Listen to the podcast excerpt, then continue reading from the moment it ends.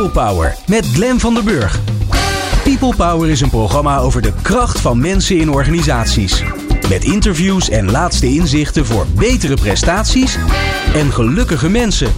Deze week gaat Glen van der Burg in gesprek met Carmen Breedveld, auteur van Het Geheim van het Old Boys Network. En Ernst van Dam, auteur van Vergader Jezelf. Ja, normaal ben ik gewend om een hele lange intro te doen. Maar ja, ik heb twee boeken. Dus ja, uh, wat moet ik nu? Die ga ik niet allebei introduceren. Dus we beginnen maar met het boek van Carmen. Op universiteiten en hogescholen zitten meer vrouwen dan mannen in de collegebanken. Vrouwen studeren sneller af en mannen en dan mannen, moet ik zeggen. En ze halen ook nog eens een keer hogere cijfers. Ondanks dat stromen vrouwen nog altijd moeizaam door naar topposities in organisaties. Ook al gaat het langzaamaan wel een beetje beter, geloof ik. Interessant detail is dat meer dan de helft van de topvrouwen, dat wist ik eigenlijk helemaal niet, in Nederland afkomstig is uit het buitenland. Welke valkuilen zijn er op weg naar de top? Wat kunnen Nederlandse vrouwen leren van vrouwen met een andere culturele achtergrond? En hoe verwerf je als vrouw een stevige plek in het Old Boys Network? Daarover ga ik in gesprek met Carmen Breedveld, de auteur van het boek Het Geheim van het Old Boys Network. Wat nog niet verschenen is, want dat gaat pas eind uh, november gebeuren. Dus waarschijnlijk zal die binnenkort wel binnenkomen, denk ik, het boek uh, Carmen. Maar dat horen we straks wel. En we hebben straks ook aan de telefoon Astrid van Heumen. Zij is directeur van Corporate Casting en voorzitter van de VVAO, het netwerk voor hoogopgeleide vrouwen. Fijn dat je luistert naar People Power. People Power. Inspirerende gesprekken over de kracht van mensen in organisaties. Met Glen van der Burg. Nou, Carmen, bijzonder welkom. Leuk dat je, dat je er bent. Dankjewel. Ja. Breveld. Oh, ik had er een D tussen gezet. Ja, ja wat goed. Je bent echt een onwijze ervaren radiomens. Want je schrijft gewoon even mijn fout netjes op een papiertje. Zodat je het niet hoeft te zeggen. Ja, ja dingen gaan wel eens mis in het leven. Carmen Breveld. Wat leuk dat je er bent. Um, spannende tijd dat het boek er bijna is, toch? Ja, het is sowieso een spannende tijd waar we nu in leven. Alles Ja. is spannend. Ja. En uh, ja, eindelijk mijn boek, hè? Ja. Bijna. Heb je nog een feestje gepland? Uh, ik probeer een feestje Ja. te plannen. Maar ik ben bang dat het een feestje wordt van uh, 10 tot 15 vrouwen. Uh, want de regels van Mark Rutte veranderen ook met de dag. Dus Ja. je hebt geen idee eh, tegen die tijd, begin december, hoeveel mensen nog bij elkaar mogen zijn in een Ja. feestje. ja. Het wordt waarschijnlijk voor een groot gedeelte virtueel. Dat kan bijna niet Ik anders. denk dat het een virtueel feestje wordt. Nou ja. Hey, ehm, eh, laten we even beginnen bij het begin. Hoe gaat het ermee? Hoe gaat, want we willen al jaren en jaren lang dat we meer vrouwen in de top hebben. We zijn allemaal, ik heb hier ook al heel veel programma's over gemaakt. Eh, er zijn heel veel redenen om dat te doen, want de wereld wordt er beter van. Hoe staan we ervoor? Nou, we staan er heel slecht voor. Um, ik heb geen goed nieuws dus voor jou vanmiddag. Nou, Um, we zijn, ik, kijk, ik ben nu al 25 jaar ondernemer en daarvoor ben ik uh, HR-manager geweest. Een van de jongste HR-managers uh, van het MT op 27ste. En zolang ik bezig ben, uh, hoor ik dus dit thema steeds voorbij komen. En dan verwacht je dat het binnen 0 tot 10 jaar wel wat wordt. Maar we zijn nu bijna 30 jaar verder, ben ik verder in mijn carrière. En ik zie dat het nog steeds niet opschiet. Nog sterker, we gaan achteruit. Echt? Oh jee, echt we gaan, waar? We gaan achteruit. Want we hebben natuurlijk met al die organisaties, talent naar de top, uh, allemaal subsidies, er is heel veel geld in gepompt. Dan, dan kruip je een beetje uh, vooruit. En dan gebeurt er even wat in de economie. En dan raken vrouwen weer de banen kwijt. Die gaan Mhm. als eerste eruit. En de, slagen, de klappen vallen altijd in de sectoren waar vooral ook de vrouwen werken. En dat zie je nu ook in de zorgsector. daar, ja, het schiet gewoon niet op. Terwijl we tekort hebben aan mensen. Ja. Maar het is eigenlijk best wel een beetje eng, omdat het over alle sectoren, over de hele linie, zie je dus dat we geen stap vooruit komen. Ook in de sectoren waar heel veel vrouwen werkzaam zijn, zie je dus niet dat vrouwen doorstromen naar die top. Want als je dan bij die top komt, dan zit er weer een mannetje. Vind ik niet erg. Het is hartstikke lief en hartstikke ik heb, aardig. Ik heb zo de neiging om sorry te zeggen namens het geslacht, maar ik ga het niet doen. Uh, waarom gaat het dan nog niet goed? Nou, weet je, het is een heel complex verhaal en daarom heb ik het boek ook geschreven. Het heeft dus meerdere oorzaken. En er zijn oorzaken waar we ook met z'n allen wat aan kunnen doen. Want als je als voorbeeld neemt de landen waar het wel goed gaat, hè, de Scandinavische landen, dan zie je dat er heel veel, aan heel veel voorwaarden uh, is voldaan. Dat er een, een, een uh, doorlopend uh, schoolprogramma is, dus geen schoolonderbreking voor de lunch. Kinderen krijgen schoolmaaltijden, okay. ze gaan daarna sporten. Dus de ouders hebben echt ook de volledige werkdag om te kunnen deelnemen aan arbeid. Ja, en, van, en dan zijn ze s'avonds wel thuis. Hè? Dat vind ik wel mooi van die Scandinavische landen. Als je daar overwerkt, dan ben je een beetje een sukkel. Dus, hè, dus, dus hard werken ja. overdag en dan s'avonds vijf uur gewoon lekker naar huis. Dus je ziet dat het hele systeem ook zodanig is ingericht dat beide ouders gelijkwaardig kunnen participeren aan arbeid. En dan heb je ook nog in Nederland uh, de fiscale. Uh, gevolgen. Als de vrouw iets meer gaat verdienen dan minimumloon, dan gaat het hele gezin meteen achteruit in inkomen. Dus dan zit je s'avonds aan tafel een rekensommetje te maken. En dan zegt de man, schat, weet je wat jij doet? Blijf lekker thuis met de kinderen, want we moeten geld inleveren als jij meer gaat werken, meer uren gaat werken. Ja. Dus dat helpt ook niet. En daar kan het kabinet wel degelijk wat aan doen. Maar in plaats van daar wat aan te sleutelen, gaan ze nu een quotum uh, per 1 januari doorvoeren. En ben jij een fan van het quotum? Ik ben geen fan van het quotum, omdat het quotum alleen geen oplossing biedt als je de overige uh, voorwaarden niet aan voldoet, of overige randvoorwaarden. Hm. De landen die uiteindelijk met de quotumwetgeving zijn gekomen, die hadden alle andere zaken al op orde. En als het dan nog steeds niet lukt, dan kun je zeggen: mannen, het is nu mooi geweest. We hebben alles geregeld. Het gaat nog steeds niet goed. Dan kom je met de quotumwetgeving. In Nederland is precies andersom. Die regelt verder helemaal niets. Geen kinderopvang, niks regelen voor de, voor de vrouwen of de gezinnen. En we denken dan met de wetgeving alleen dat we dan verder komen. Dus ik ben bang dat het niet gaat gebeuren. En ik vraag me af wat er dan gebeurt. Laten we Astrid er even bij halen. Astrid, uh, jij bent directeur van uh, Corporate Casting uh, en voorzitter van het Netwerk voor Hoogopgeleide Vrouwen. Wat kan, je, ja, wat kan je er nog aan toevoegen op de vraag waarom het nog steeds niet goed gaat? Ja, het gaat niet goed. Waarom niet? Ehm, goede vraag. Ehm, wij zijn al met de VVO sinds 1918 bezig om vrouwen hoog opgeleid te krijgen, omdat ze dan ehm, ja, een betere uh, kans hebben om economisch zelfstandig te worden, omdat je dan uh, goede banen kunt krijgen. Nou, dat hebben we in de afgelopen honderd jaar dus dik voor elkaar, want je hebt het grootste gedeelte van de Nederlandse vrouw is hoog opgeleid op dit moment. ja, en, en, en, jullie zijn de, de man voorbijgestreefd, hè? In principe wel. Uh, wat dat betreft, qua inhoud zijn we sterk, maar we zijn nog niet zo slim, zal ik maar zeggen. Omdat er toch uh, op het gebied van uh, gehaaidheid om naar de top door te stoten meer nodig is dan alleen inhoud en ehm, ja, een goede opleiding. Ja, en wat is dat dan? Wat, wat is die nou ja, gehaaidheid dan? Um, ja, die gehaaidheid is, laten we zeggen, de. de um, het gunnen en het, het slim omgaan met je relaties, het kapitaliseren van je netwerk, dat is heel erg belangrijk voor vrouwen om uh, richting die top te gaan. Wat bijvoorbeeld veel gebeurt is dat vrouwen momenten hebben dat ze uh, heel hard gewerkt hebben, uh, verwachten het succes uh, te krijgen op dat uh, werken naar loon, hè, op loon naar werken moet ik zeggen. Maar helaas gaat dan iemand anders met de, met de poet vandoor. En dat heeft niet te maken omdat die vrouw het werk niet goed geleverd heeft, maar omdat ze zichzelf niet slim heeft gekocht. Dat intern in zo'n organisatie niet duidelijk is dat het eigenlijk haar idee is of dat het haar verdienste is dat bepaalde successen of klanten binnen zijn gekomen heel vaak hoor je dat vrouwen uh, zichzelf niet goed kunnen verkopen. Dat klopt. Maar het is, uh, dat, dat is uh, wat iedereen altijd zegt. Maar feitelijk kunnen mannen elkaar zichzelf ook niet goed verkopen. Alleen mannen helpen elkaar in dat verkooppraatje. Oké, want het eerste wat bij mij door mijn hoofd schoot is... Ja, hebben we dat vrouwen dan aangeleerd tijdens hun opvoeding... door de cultuur die we hebben misschien in, in, in dit land? Of is het iets wat er hard ingebakken zit?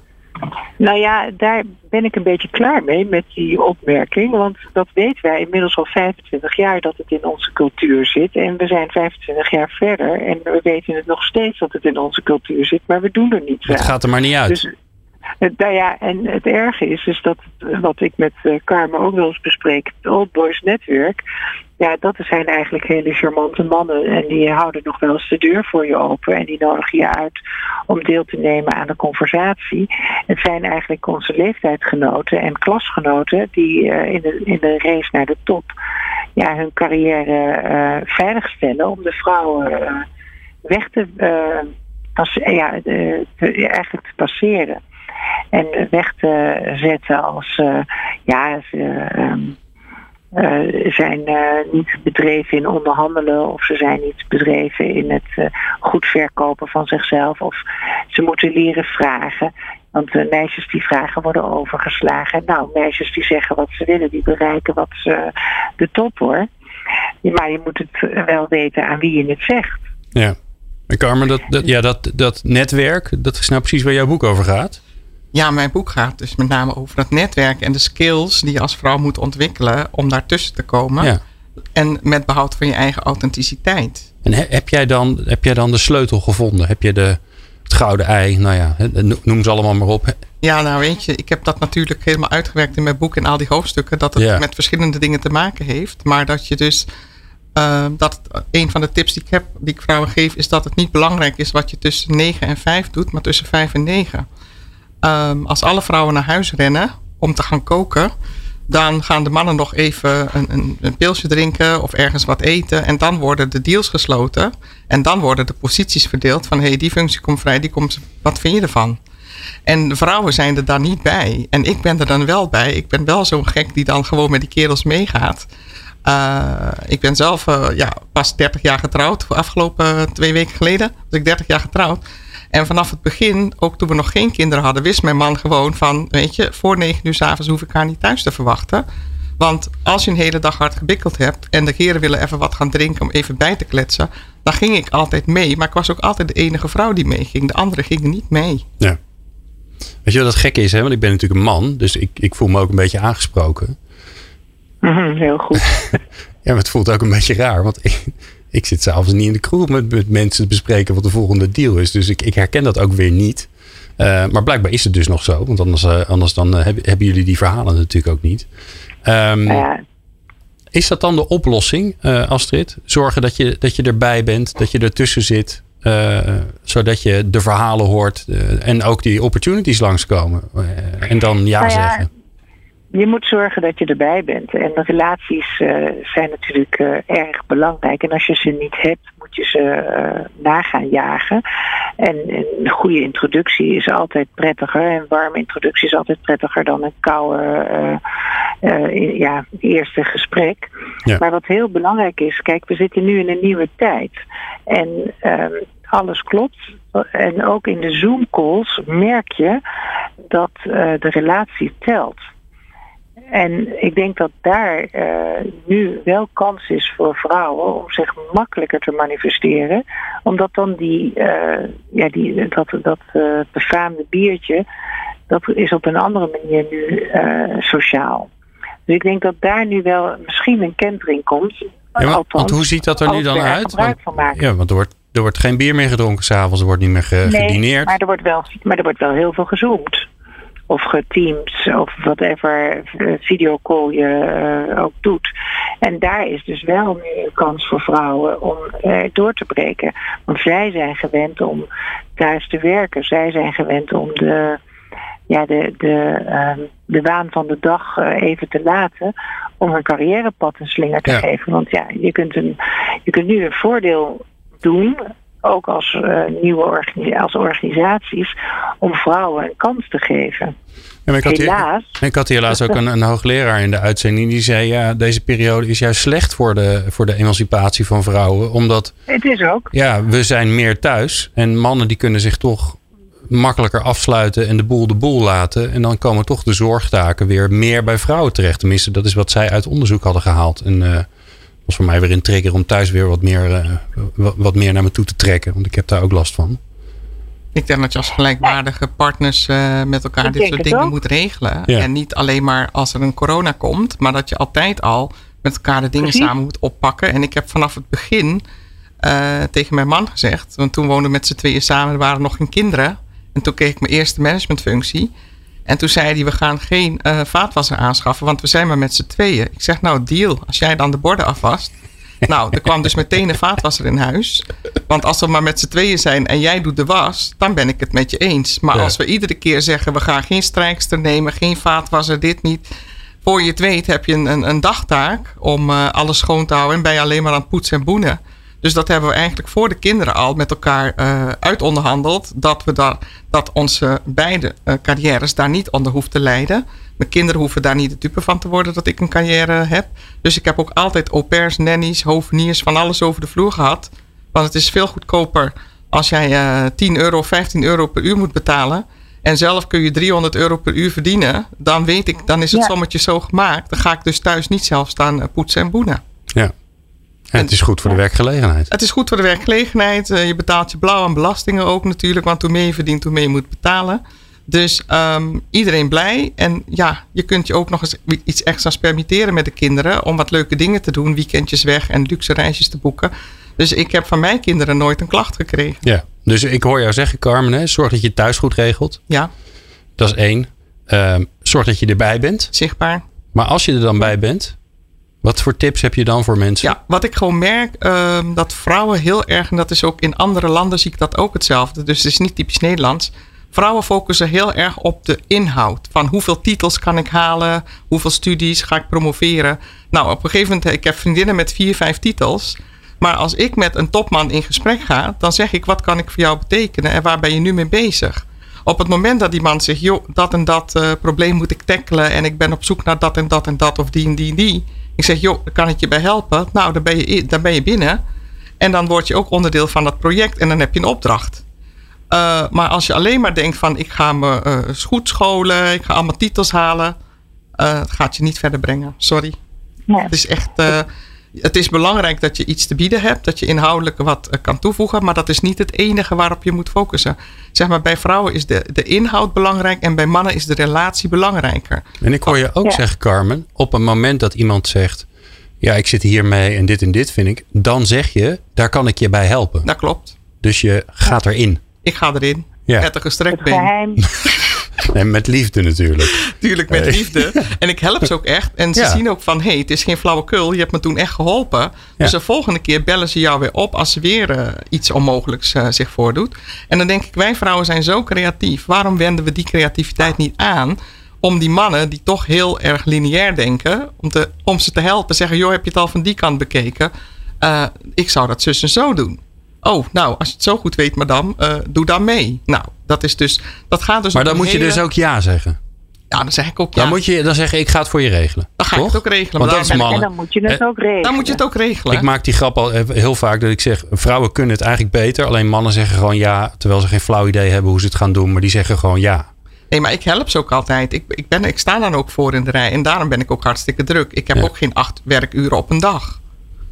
Je gaat gewoon door s'avonds. En, en om afspraken na te komen, als je zegt ik ga jou introduceren bij die en die. En dan ga ik dat ook doen. En dan gaat Ja. mijn laptop weer op schoot nadat we het avondeten eh, achter de kiezen hebben. Dan gaat je laptop weer open. ja. We gaan natuurlijk niet jouw hele boek hier eh, Nee. helemaal door. Dat kan Nee. ook helemaal niet. Want dan Nee. ben je natuurlijk, hoe lang ben je ermee bezig geweest? Eh, te schrijven? Vier maanden. Zo! Maar dat is een coronatijd, hè? Dus ik, had tijd. Dus je had even tijd. Ja. Ik had even tijd. maar dat is, dat is nog, alsnog heel snel.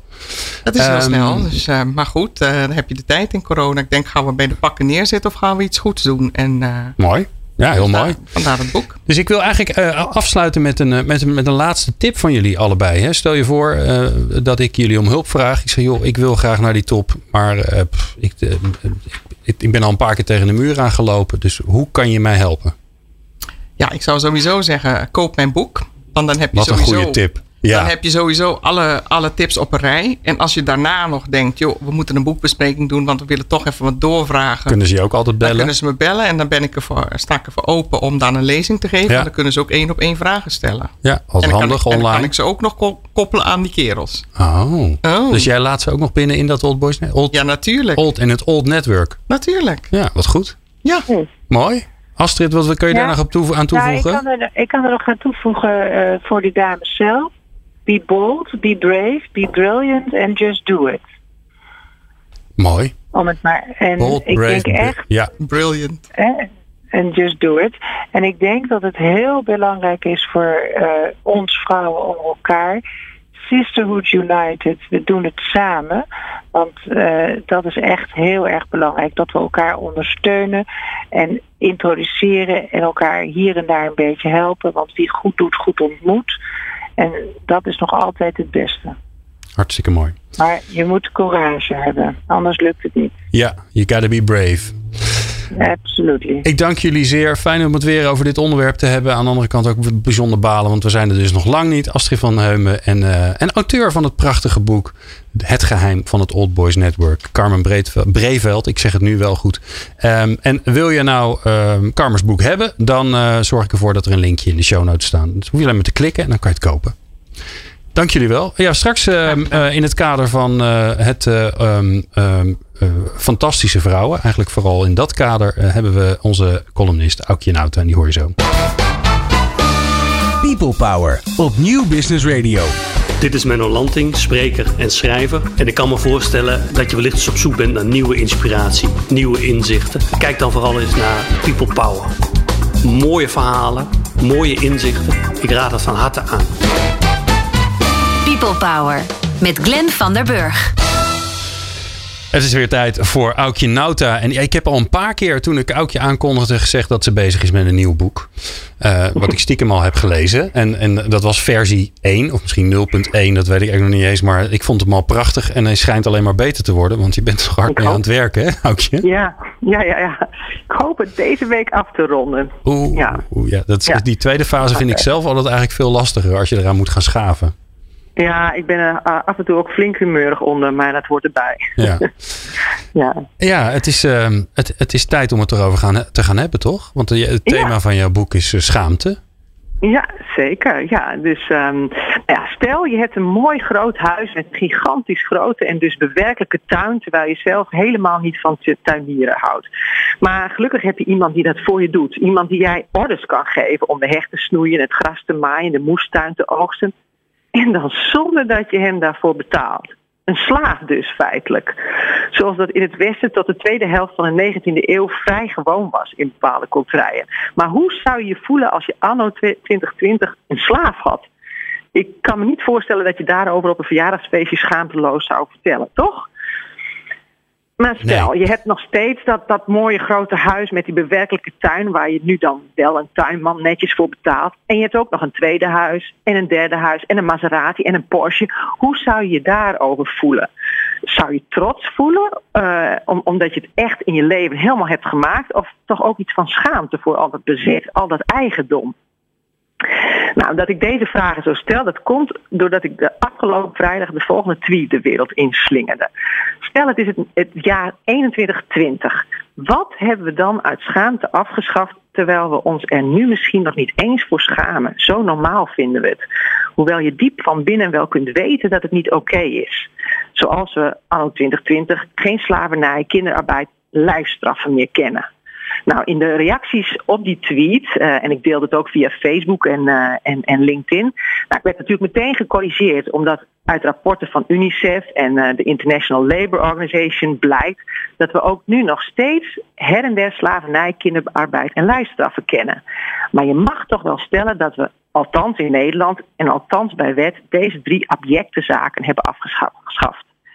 Maar waar het om ging en gaat, is de denkoefening om stil te staan bij dingen die we normaal vinden, terwijl ze in moreel opzicht eigenlijk helemaal niet normaal zijn. Nou, en die denkoefening per tweet, die werd door aardig wat mensen opgepakt. En dus heb ik nu een waslijst kunnen verzamelen van dingen die we over 100 jaar misschien wel hebben afgeschaft.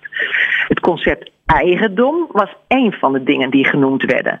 Daarnaast vlees eten, vliegvakanties, houtgestookte open haarden, platformbedrijven als Uber, Booking en Airbnb, online spullen bestellen en die dan weer terugsturen, discriminatie, economische groei en het idee dat veel geld verdienen een deugd is, patat eten, paardrijden, dierentuinen bezoeken, Facebook en andere sociale media, de afwasmachine, flirten, hoewel dat van mij niet per se hoeft afgeschaft. Ik vind dat best iets gezelligs hebben.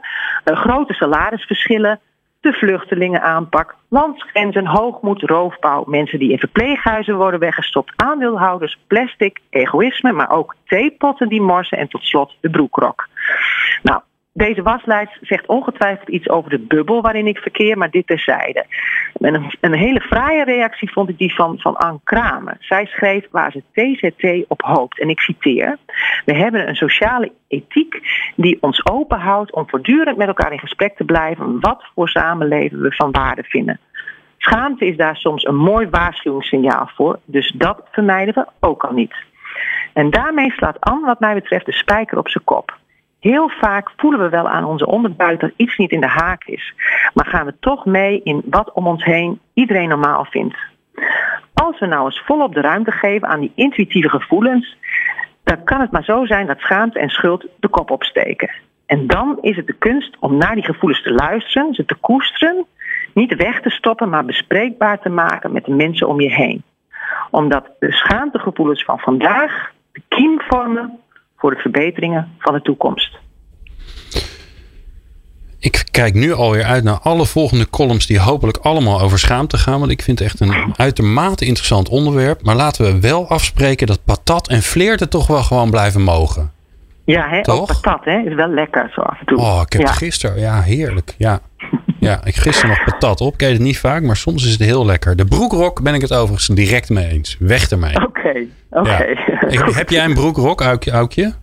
Nee, niet. Nee, ik heb geen idee hoe die iemand erop kwam, maar eh, ik, ik zou hem nu ook niet meer durven kopen, eerlijk Nee, gezegd. nee, houd het door. wanneer, eh, wanneer is je boek er? Kunnen mensen hem al stiekem Mm. voorbestellen? Voorjaar 2021 Oh, dat duurt nog wel even. Ja, je, je bent nog wel wat correctierondes eh, rondes heb je te goed. Ik vrees het, ja. Hey, ik dank je zeer. Laten wij alvast gezellig dan eh, het onderwerp eh, maandelijks aansnijden. Doen we. Oké. Alright, dag, dag. dankjewel. Dit is Nieuw Business Radio. People Power met Glenn van der Burg. Vergader jezelf gelukkig. Dat is de titel van het boek dat Ernst van Dam, directeur van de Capgemini Academy, schreef samen met Bart Groenewoud en Rick Nijkampen. Ik heb een hekel aan vergaderen en ik ben ook een vreselijke deelnemer. Want ik heb namelijk nogal de neiging om behoorlijk recalcitrant te worden bij slecht geleide vergaderingen. En ik moet je eerlijk zeggen, goed geleide vergaderingen, die ben ik nog niet heel veel tegengekomen. Ja, mijn oplossing is redelijk simpel. Ik doe er gewoon niet meer aan. Ik heb wel overlegd, maar vergaderen doe ik niet meer. Maar als je bij een van de wat grotere organisaties werkt, is dat niet zo makkelijk. Dus ik hoop dat dit boek jou kan helpen. De auteurs beloven in ieder geval dat je na het lezen haarfijn weet waarom jij wel of niet aan vergaderingen moet deelnemen. Dat de vergadering die jij organiseert voortaan zo strak in elkaar zit dat er altijd resultaat in zit. En ze beloven je ook nog eens een keer, dat is nogal wat, eh, eh, dat eh, eh, de hele organisatie kunnen leren om zich gelukkig te vergaderen. Naast auteur Ernst van Dam is ook Jan Hobbelen van de eh, Stoma-vereniging te gast om te praten over zijn vergaderervaringen. Die hoor je zo. Maar laten we maar eens even beginnen bij Ernst. Fijn dat je er bent, Ernst. Eh, hoe erg vinden wij vergaderen eigenlijk met z'n allen? Ja, wij- wij, vinden vergaderen niet zo heel fijn. En we doen het zoveel. Ik, ik, wat is dat nou? Ja, we doen het ehm, ontzettend veel. En heel veel mensen vinden dat heel vervelend. Ehm, en toen ik zelf een keer in zo'n... in zo'n Maar dat klinkt alsof we dan met z'n allen toch een psycholoog, psychische aandoening hebben. Hè? Want als je, eh, als je iets herhaalt wat je eigenlijk heel niet, helemaal niet leuk vindt, dan is het toch echt wel wat mis met je. Ja, dus, en daarom is dat boek er nu.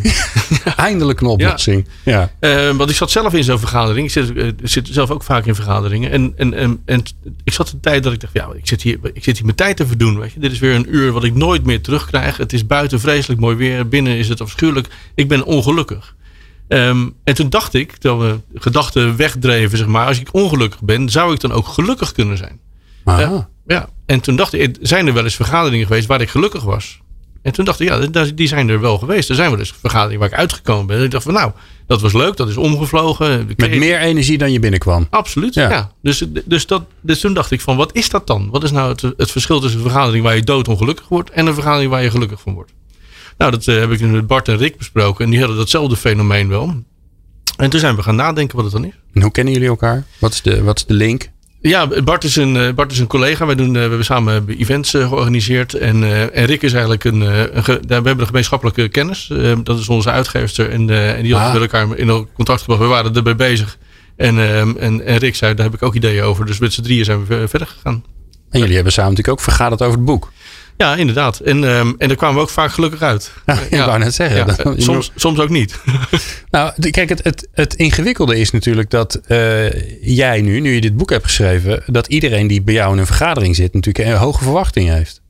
Ja, dat schept wel een, dat schept wel een verband. eh, Ja. Krijg je dat nu al vaak te horen? Het boek is nog niet helemaal uit, volgens mij, toch? Nee, het is helemaal nog niet uit. Nee, helemaal nog Nee, niet uit. nee, eh, Oh, eh, nee het, is, het, het, komt, eh, het komt 20 november eh, is de boekpresentatie. Ja. Ehm, ja, als je zegt dat je dus bezig bent met een boek over vergaderen, dan gaan ze dus inderdaad zo kijken, arm over elkaar achteruit zitten van nou, doe maar, doe maar voor. Ja. Ja. Ehm, en, en dat is het eigenlijk eh, wel ook, maar ook wel niet. Eh, want eh, zoals je in je inleiding zei, ehm, het zijn drie dingen in het boek. Eén is ehm, hoe kun je zelf eh, gelukkig worden van vergaderen. Het, het tweede is hoe kun je vergaderingen zo organiseren dat je de rest vergader, de, gelukkig maakt. En dan is de derde, hoe kun je eigenlijk je organisatie helpen om dat, om dat verder te doen. Dus eigenlijk moet je beginnen bij jezelf. Ja. Dus je moet je afvragen, ehm, waarom zit ik bij deze vergadering? Ja. Nou, dat is eigenlijk. Heb je een vergadering nodig? Als je, dus dan ga je terug naar waarom heb ik een vergadering nodig? En dat is, je hebt een doel eh, en je komt daar zelf niet uit. Je hebt iemand nodig, je, je hebt hulp nodig. Dus dan ga je bij elkaar zitten. Eh, en dan ga je dus vergaderen. En dan ga je net zo lang vergaderen totdat die, dat obstakel voorbij is. En dan ga je weer verder naar je doel. Dan ga je weer werken. Nee, dat Gewoon ga je, werken. Ja, dan ga je dus ehm, eh, met, die, met die nieuwe informatie of dat genomen besluit, ga je dus verder naar je doel. Want je kwam er zelf niet, niet bij dat doel, daar had je anderen voor nodig. En daarom ging je bij elkaar zitten. Ja. Dus een goede vergadering helpt jou om je doel te, te realiseren. Nou, hoe mooi is dat? Daar word, Ja. je, daar word je puur gelukkig van als jij samen met andere mensen een doel realiseert. Ja. Eh, kijk maar naar het Nederlands elftal. Als die wereldkampioen wordt, is iedereen gelukkig. Ja. Nou, daar wordt misschien ook wel voor vergaderd. Maar ik denk als aan een gemiddelde mens vraagt op een werkdag: Goh, wat is je doel vandaag? Ja. Dan krijg je al een lastig antwoord. Ja, dus daar begint het. Ehm, eh, dus, dus, dus je moet weten wat is het doel van je team bijvoorbeeld. Eh, dus je, hebt, je werkt bij een bedrijf dat heeft een doelstelling. Je en op een afdeling dat heeft een doelstelling. Je hebt een team met een doelstelling. Ja, dat moet je, dan moet je wel weten wat dan die doelstelling is. Ehm, en dan moet je weten wat is het obstakel. Dus waarom zitten we nou bij elkaar? En dus weet je ook, als het obstakel weg is, dan ben je dus dichter bij je doel. Ja. Dus jij zegt niet: eh, vergaderen is stom. Je hebt het gewoon zo nu en dan nodig. Voordat we naar de oplossing gaan, hè, wat is nou de grootste oorzaak van het feit dat het zo vaak misgaat? Eh, om, omdat die link tussen het doel en het obstakel en vergaderen ehm, kwijt is. Ehm, dus vergaderen wordt op een gegeven moment cultuur. Ja, ja. Het is de maandagochtendvergadering. We hebben werkoverleg. Ja, ja, dus, dus- gaan we bij elkaar zitten. Precies. En dat is dan de maandag. Dat is heel veel van dat reguliere overleg, dat is ooit een keer begonnen. En Ja. dat had tot doel om af te stemmen waar mensen mee bezig zijn. Omdat dat je dat nodig hebt om dat doel te realiseren Ja. van je team. Nou, per- perfect doel. Maar op een gegeven moment wordt het, wordt het zo. Ja, dan, dan, dan weet eigenlijk iedereen sowieso wat er gebeurt. Dus is dat een herhaling van zetten. En daar wordt niemand gelukkig van. En vergaderingen vullen zich vanzelf. Hè? Het, is niet zo, het is niet zo dat ze leeg blijven. Dat iedereen elkaar aan gaat zitten kijken van ja, maar wij niks te bespreken. Nou, en dat is dus in deel 2 van het boek. Dat als je een vergadering. ehm, dat je dus makkelijk kunt zeggen na drie kwartier. Nou, het is klaar. Want we hebben namelijk het obstakel opgelost. Ja, ja. Ja, want ze duren ook altijd zeker een uur. Dat vind ik ook zo mooi. Ja, nou, wij zeggen eh 45 minuten is het nieuwe uur. Eh, dus plan sowieso in plaats van een uur 45 minuten. Ja. En, en als je een half uur plant, zorg dan dat je met 20 minuten klaar bent. Ja, want dan kun je ook tussen je tegenwoordig zeker je Zoom, Teams, huts, fluts, meetings. Kun je ook nog even naar de wc en een kopje koffie halen. Ja. Waar ik wel benieuwd naar ben, want we hebben eh, Jan Hobbelen aan de lijn. Die werkt bij de Stoma-vereniging. Jan, Jan, hebben jullie die, die standaard eh, vergaderingen die gewoon elke week terugkeren of elke maand terugkeren? Hebben jullie die nog? Eh, Jazeker, die hebben wij nog. En dan, dat noemen we dan een weekstart. En de bedoeling is dan dat we in een half uurtje dan klaar vergaderd zijn. Dat lukt niet altijd, eh, geef ik eerlijk gezegd toe. Maar eh, ja, het is een beetje een balans natuurlijk vinden tussen eh, hoeveel menselijk contact wil je nog met elkaar. Hè? Zeker in deze tijd. Je zit allemaal veel thuis opgesloten in, in je kamer. Ja. En als je pech hebt, heb je van 9 eh, uur 's ochtends tot 9 uur 's avonds alleen maar dit soort teamoverleggen. En- Echt waar? Gebeurt jou dat? Ja, dat, dat gebeurt mij helaas af en toe. En dan, ja, dan denk je wel, eh, hier eh, missen wij iets eh, met elkaar. Maar de- ja, de- de- voor mij is het een combinatie van het moet zinnig zijn inderdaad op het doel waar je aan werkt. En de andere kant is gewoon, ja, je, je wil ook gewoon je collega's af en toe zien en verbinding mee hebben. En ook een lolletje mee kunnen maken. Ja. Ook tijdens de vergadering. Dus dat, dat, daar moet altijd wat ruimte in zijn. Zet je dat dan op de agenda? We gaan nu een lolletje maken. Zouden eigenlijk moeten doen gewoon, hè? Als het goed is, beginnen we daar al mee. Ja, nee. Ja. Nee, dit, eh, er is wel ruimte voor een stukje eh, inbreng daarin. En, eh, maar het moet wel spontaan zijn ook een beetje. hè. Dus je kan wel wat voorbereiden als, als, als voorzitter van een vergadering. Maar nee, ja, je probeert wel iets van menselijk contact en een lolletje. En gewoon werk is gewoon plezier. Hè? We zijn Ja. blij dat... Ben jij er goed in? Ben je een goede voorzitter? Nou, de, wisselend. Ja, Dat is een mooi antwoord. onderwerp af. Ik, hou, ik, ik ben zelf iemand die houdt van creativiteit. Dus als we eh, eh, eh, iets nieuws verzinnen, als je daar echt voor zit, dat, dat vind ik dat, dat brainstormen vind ik heel leuk. Ik denk dat dat ook goed kan leiden. Kijk, als ik puur staccato van de punten doorlopen, nou dan ik ben dan niet de beste daarin. Nee. Ja. Ernst, is dat ook belangrijk dat, dat een, een voorzitter of, of dat je van jezelf überhaupt weet wanneer, wat vind je leuk om te doen? Hè? Ik, ik herken dat heel erg van Jan. Ik vind ook zo'n zo'n agenda doorjassen, daar ben ik ook niet zo fan van. Maar, eh, maar een leuke brainstorm kan je mij wel voor wakker maken. Ehm, dus hoe belangrijk is het dat je de juiste voorzitter kiest? Ja, dat is, dat is belangrijk. En soms moet je als, ehm, als je een bepaalde voorkeur hebt of juist niet hebt, moet je misschien besluiten om iemand anders voorzitter te maken. In het boek onderkennen we drie rollen. Dus je bent maar voor drie redenen in de vergadering. Je komt iets halen, een besluit, informatie. Je komt iets brengen, een besluit, informatie. En je komt helpen. Of je komt helpen. Maar ik hoor je zeggen, een besluit of informatie. Andere smaken zijn er niet. Ja, als voorbeeld. Oh, oké. maar, maar vaak komt het wel daarop neer. Ehm, of een idee. Het kan ook, als je een brainstorm sessie hebt, dan ga je dus, wat je komt halen is een nieuw idee. Je hebt een bepaald probleem met je, met je team. En je gaat eh, twee uur bij elkaar zitten ehm, eh, om dan dat idee, om daar oplossingen voor te bedenken. Ja. Dat vergt een andere manier van sowieso het inrichten van die vergadering, maar ook hoe je hem leidt. Want je moet veel meer eh, de, eh, de, de, de, de teugels laten vieren. Ehm, als je bijvoorbeeld eh, de, de maandagochtend ehm, eh, weekstart hebt, ja, dat moet even snel gedaan worden, want het is een half uur. Het is een vol, volkomen zinvolle vergadering, want iedereen weet even waar iedereen mee bezig is. Dus het obstakel was, Ja. waar staan we precies? Maar er is altijd die ene collega die een beetje te lang van stof is. Ja, ehm, dat, dat is een kwestie van, eh, van opvoeden en, en afkappen als het nodig is. Ja. Als je een half uur hebt en je hebt acht mensen die aan het woord moeten zijn, dan kun je ongeveer uitrekenen hoeveel, men, hoeveel minuten iemand bezig is. Jan, hoe doe jij dat? Hoe zorg jij ervoor dat die een, of misschien heb jij die collega weer net niet, dat zal je altijd zien. Maar ik, voor mij, iedereen ziet hem gelijk, hem of haar, meestal is het een hem, voor zich. Ja, misschien ben ik het zelf. Nee. Dat zijn de leukste voorzitters. ja. Nee, wat wij wel doen, wij maken van tevoren hebben wij gewoon een, eh, eh, een formatje, dus een, eh, een eh, PowerPoint sheetje, eh, waar je eh, invult eigenlijk al van oké, eh, dit heb ik, eh, dit zijn de belangrijkste punten van de afgelopen week, dit was mijn succes, dit staat voor mij op de agenda komende week en dit zijn mijn hulpvragen. En dan heb je het met name met elkaar over de hulpvragen. Dus dat, eh, eh, door het formatje te gebruiken helpt altijd wat in te kaderen. En eh, wat ik zelf ook doe, omdat ik ook weet van, ik wijs inderdaad iemand anders als voorzitter aan als het echt gaat om goed staccato de agenda door te lopen. Oké, dus, dus die, die, die, die week start op maandag, die doe je zelf niet eens. En, ja, die, doe ik gewoon, neem ik aan deel, maar zit ik niet voor. Ah, kijk, verstandig. Goed? Ja, nou ja, dat moet je ook maar kunnen. Dat je die, dat je die stap neemt. Eh, soms is het ook beter hè, als je, als, eh, als je ook, een, ook een, eh, een, een haal- of een brengrol hebt, dat je dan niet de voorzitter bent. Ja, want de, voorzitter haalt of brengt bijna per definitie niet. Ja, dat is lastig, want de voorzitter gaat eigenlijk over het proces. Ehm, en als je iets komt halen of brengen, dan ga je over de inhoud. Ja. En Dat, dat maakt het soms ingewikkeld als je dat combineert. Zeker als het, ehm, eh, als het lastig of complex of gevoelige informatie is. Ja. Ja, want ik, ik kan me nog, ik zit een beetje terug te denken aan de voorzitters die ik heb gehad. Ik, ken het, ik, ik heb er toch heel veel gehad die vooral heel veel te melden hadden. Ja, Die Ja. kletsten in een eentje de halve vergadering vol. Omdat ze allemaal moesten vertellen wat er allemaal gebeurd was. En Ja. wat er belangrijk was. En waar we naartoe moesten. ja. En, en daarom ben jij zo ongelukkig over, geworden over vergaderen. Oh, hou op schuit. Ik, Ja, ben zo, ik ben zo gelukkig hè, ondertussen. Ja, Dat dat niet meer hoeft. Nou ja, het, het geluk zit natuurlijk ook in het, in het feit dat je gewoon kan zeggen: ik, ik hoef deze vergadering niet te doen.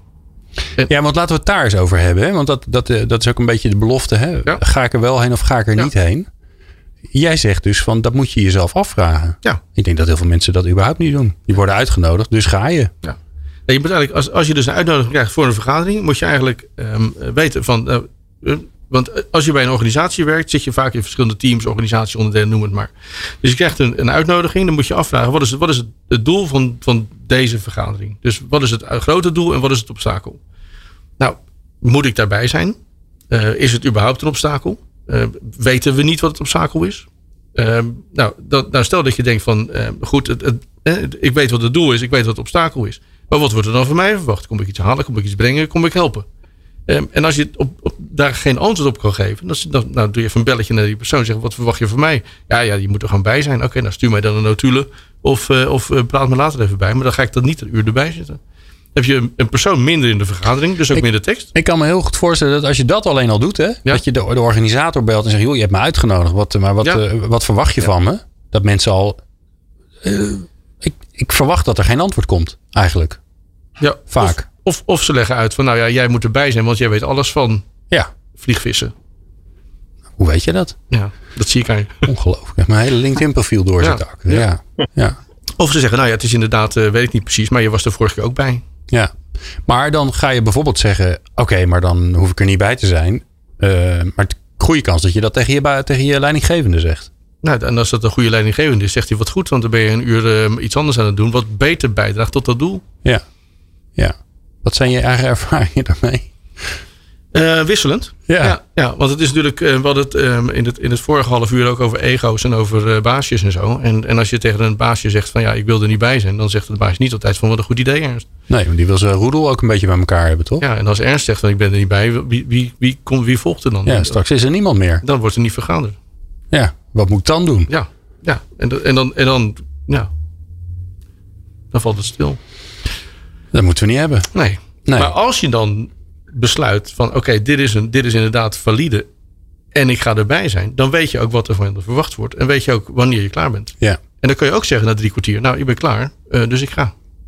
Ja, dat, ik heb ooit eens een keer in het eerste boekje wat ik heb geschreven, uh, ben ik iemand tegengekomen en die zei, ja, soms ga ik gewoon niet, maar heel vaak ga ik eerder weg. Dan ja. nou, ik, heb mijn, ik heb mijn ding gedaan. En dan zeg je, jongens, wens je heel veel succes. Maar dat ik, dus er was iemand die erg van de creativiteit was. Die had dan een ideetje bedacht. Die zei, nou, vind je het een goed ideetje? Ja, goed ideetje. Dan ga ik weg. Ja, perfect. Ja, maar doe het maar eens. Ja, maar dat, is, dat is wel, als je klaar bent, ben je klaar. Dan moet je weg. Ja.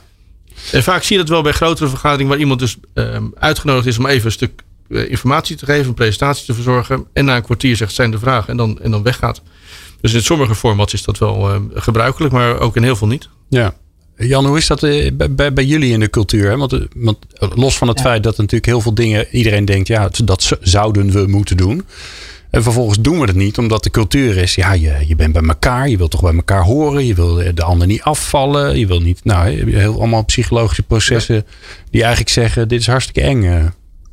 Ja, nou, ik denk uh, in de basis is die uh, voorzichtigheid er wel, maar ja, ik uh, ben Rotterdammer, dus ik zeg altijd, jongens, een beetje maar op staat. Ja, maar dat hè, telt niet. Als je Rotterdammer bent, telt het niet.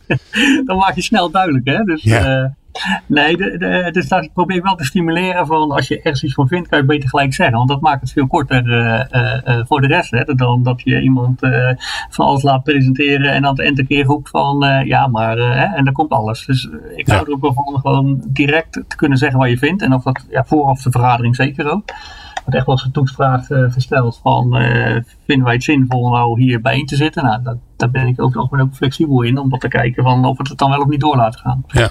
Ernst, is het zo dat, uh, dat het misschien wel versterkt? Want stel je voor, mensen luisteren hiernaar en die denken ja shit weet je wel. En zeker nu, hè, ik zit gewoon echt ja. uren achter elkaar achter dat schermpje. Het is gewoon niet gezond. Um, en heel vaak niet nuttig. Um, is het, hoe pak je dat dan aan? Hè? Dan, dan, dan, en dan, daarna ga ik dan zeggen dat iedereen vooral je boek moet kopen ja. als ze meer willen weten. Maar hoe. Ik wil in beweging komen. Ik vind dat anders moet. Hoe pak ik dat aan? Om te, en, ik, en ik vind het ook wel een beetje eng. Ja, um, kijk, en dat, dat, komt eigenlijk in deel 2 van het boek. Dat gaat, ik ga een vergadering organiseren. En dan krijg je een nieuwe dynamiek, want dan ben je dus verantwoordelijk voor de andermans Ja, maar tijd. dat ben ik niet. Ik, ik ben onderdeel van een vergadering, maar ik vind toch dat het anders moet. Um, dan, is, ja, dan moet je dat dus bespreekbaar maken. Ja. En, en dan ga je, kom je weer terug van ja, het moet anders. Want wat we doen is niet effectief of efficiënt. Of word ik die niet gelukkig van. Dus dat betekent dat je een ongelukkig teamlid hebt. Ja, je dat, gaat dus meta communiceren. Je zegt wat het met je doet. Precies. En, um, en dat betekent dus dat het doel wat jij met, dat, met die organisatie hebt. Dat, dat loopt gevaar. Ja. Want je hebt um, een hele ongelukkige persoon in je team. Nou, dan is dat een blokkade. Een, een hobbel, die moet je even nemen. En dan moet je dan even over babbelen. Uh, daar moet je over vergaderen. Uh, maar dan, dan is het wel, uh, dan ben jij weer gelukkig. Ik heb wel eens in een vergadering gezegd, dat kostte overigens erg veel moeite. En pas na een keer of zes durfde ik het echt. Heb ik gezegd, jongens, ik weet niet of het aan mij ligt hoor. Maar ik merk dat ik enorm afgehaakt ben. Ik, ik, ik krijg floating ja. attention. dus als jullie dat allemaal niet hebben, dan ga ik gewoon weg. Dat is ook oké. Okay. maar als jullie het wel hebben, dan hebben we een ander probleem. En dat was ook zo. Want ja. ik, iedereen, ik zag iedereen al een beetje dromig voor zich uitkijken. En toen is er wel in ieder geval tijdelijk iets veranderd ja. daarin. Ja. Dus misschien moet je ook een beetje medestanders zoeken of zo.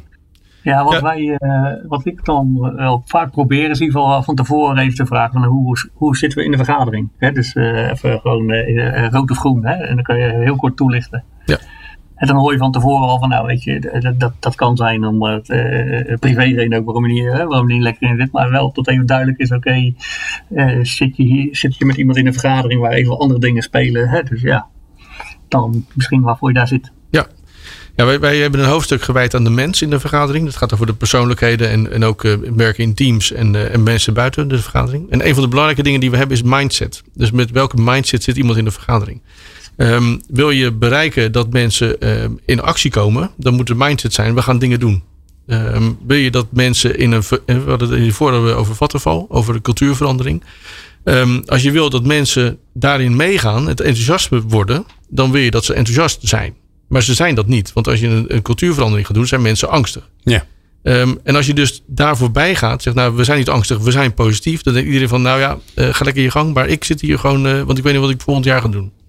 Dus die mindset is enorm belangrijk. Ja, dus ook benoemen, hè, los van, we hebben natuurlijk altijd nog de neiging om heel erg de inhoud in te gaan. En dat vond ik wel mooi dat Jan dat ook zei. Hè, laat even weten hoe, hoe je erbij zit. Precies. Hoe je Ja. je voelt. Ja. En eh, zonder dat je gelijk een soort eh groepspsychologische Ja. En- en ze- Freud-sessie krijgt En, natuurlijk. en zeker in deze tijd, je zegt al team- Zoom-sessies, team-sessies. Doe dat ook. Eh, want eh, Zoom-sessies en team-sessies wordt heel snel heel zakelijk. Eh, geef aandacht aan de mens. Be- bevraag de mensen in die meeting. Hoe zit je erbij? Hoe voel je je? Hoe gaat Ja. het met je? Wat, wat is dat schilderij wat daar achter je hangt? En zeg je dan ook, begin daar dan mee? Want eh, aan het eind van de vergadering is het toch nooit tijd. Nou, aan het eind van de gaan ben je te laat. Ja, want dan eh, verdwijnt iedereen weer. Jan? Nee, maar ook dan, dan als je erachter komt dat mensen een andere mindset hebben dan jij denkt. Ja. Dan, ja, dan heb je dus een uur verspild. Dan kan je er niet op inspelen. Ja. wordt niemand gelukkig van. Jan, Nee, juist, we proberen het inderdaad eh, vaak aan de voorkant juist te doen, ja. En ehm het nadeel moet ik wel zeggen, nou met, eh, met al dat, eh, met die Zooms-vergaderingen en zo. Ja, wij hebben soms vergadering, eh waar we 30 of 35 man in zitten. Eh, en dan zie je die cameraatje bijvoorbeeld uitgaan. Nou, dan, dan denk je al bij jezelf, nou, ja, die het patiënten. ja, juist. Ja. Als je geluk hebt. Ja, ja, dus het voor mij ook vergadergrootte, dat, eh, eh, dat, ver- ja, dat, daar kan je ook wel wat aan afvragen. Hè. Wij moeten dat soms vanuit bijvoorbeeld een ledenraad of zo. Hè. Dus Ja. dan heeft iedereen inspraak of je moet wat punten gewoon besluitvormend afgetikt hebben. Maar dat zijn natuurlijk niet de meest inspirerende vergaderingen. Ja, die moet eigenlijk het liefst zo kort mogelijk duren. Hè. En misschien wel zoveel mogelijk aan de voorkant geregeld met eh, informatie verspreiden waar al op gereageerd is Ja. hè, dat, dan maak je het eh, mooi. Maar eh, ja, ik vind wat ik wel mooi vond aan de laatste ontwikkelingen is dat je van die outbreak eh, sessies hebt. Hè? Dus dat je in zo'n grote Zoom meeting weer kan zeggen, je gaat naar kleine groepjes toe die over een onderwerp dan beetpakken. Dat doen we ook wel. En die komen op dat onderwerp specifiek terug. Hè? In plaats van met z'n dertigen deel je het in eh, vier groepjes van eh, acht of zo. Ja. Ja, nou ja, we kunnen hier nog uren over doorpraten. Want volgens mij is dit een van de dingen waar iedereen. eh, Nou ja, we hebben het eigenlijk al gezegd hebben. Dat, het is niet het, het leukste wat iedereen doet. Het kan wel het leukste zijn wat iedereen doet. En als je nou wil weten hoe je dat moet doen, dan moet je vooral het boek kopen van eh, onder andere Ernst van Dam. Want hij heeft het samen met, eh, met twee anderen geschreven. En het boek heet Verga- Vergader jezelf gelukkig. Het is er nog niet. Maar misschien kunnen mensen het al in de voorverkoop Ja, kopen. marketingboek.nl is het. Of uh, marketingmanagementboek.nl Managementboek.nl. Is het al. Dan kun je alvast reserveren jouw Ja. exemplaar. Want ze vliegen natuurlijk de deur uit als warme Zoete broodjes. Ja. Eh, dankjewel eh, Jan Hobbelen van de Stoma Vereniging. En natuurlijk Ernst van Dam eh, van eh, het boek Vergader jezelf gelukkig. Eh, fijn dat jullie er even waren. Graag gedaan. Het een leuke vergadering. Maar ja, dit is ook een soort vergadering. Ehm, wij zijn er eh, volgende week natuurlijk weer. En als je podcast luistert, dan weet je wat volgende week. Hm, dan ben je misschien straks zo, als die er al is. Ehm, wat gaan we dan doen? Nou, in november 2019 ontving de Achmea Academy de Develop Award. Omdat de Academy toonaangevend is op het gebied van leren en ontwikkelen binnen grote organisaties. En wij hebben eh, Roger, Schone te gast, manager van de eh, Achmea Academy. En die deelt in de volgende aflevering van People Power al zijn geheimen. En wil je nou meer luisteren? Want dit was aflevering 363 volgens mij. Dan heb je nog even wat te doen op peoplepower.radio. Fijn dat je luisterde. Meepraten of meer programma's? people-power.nl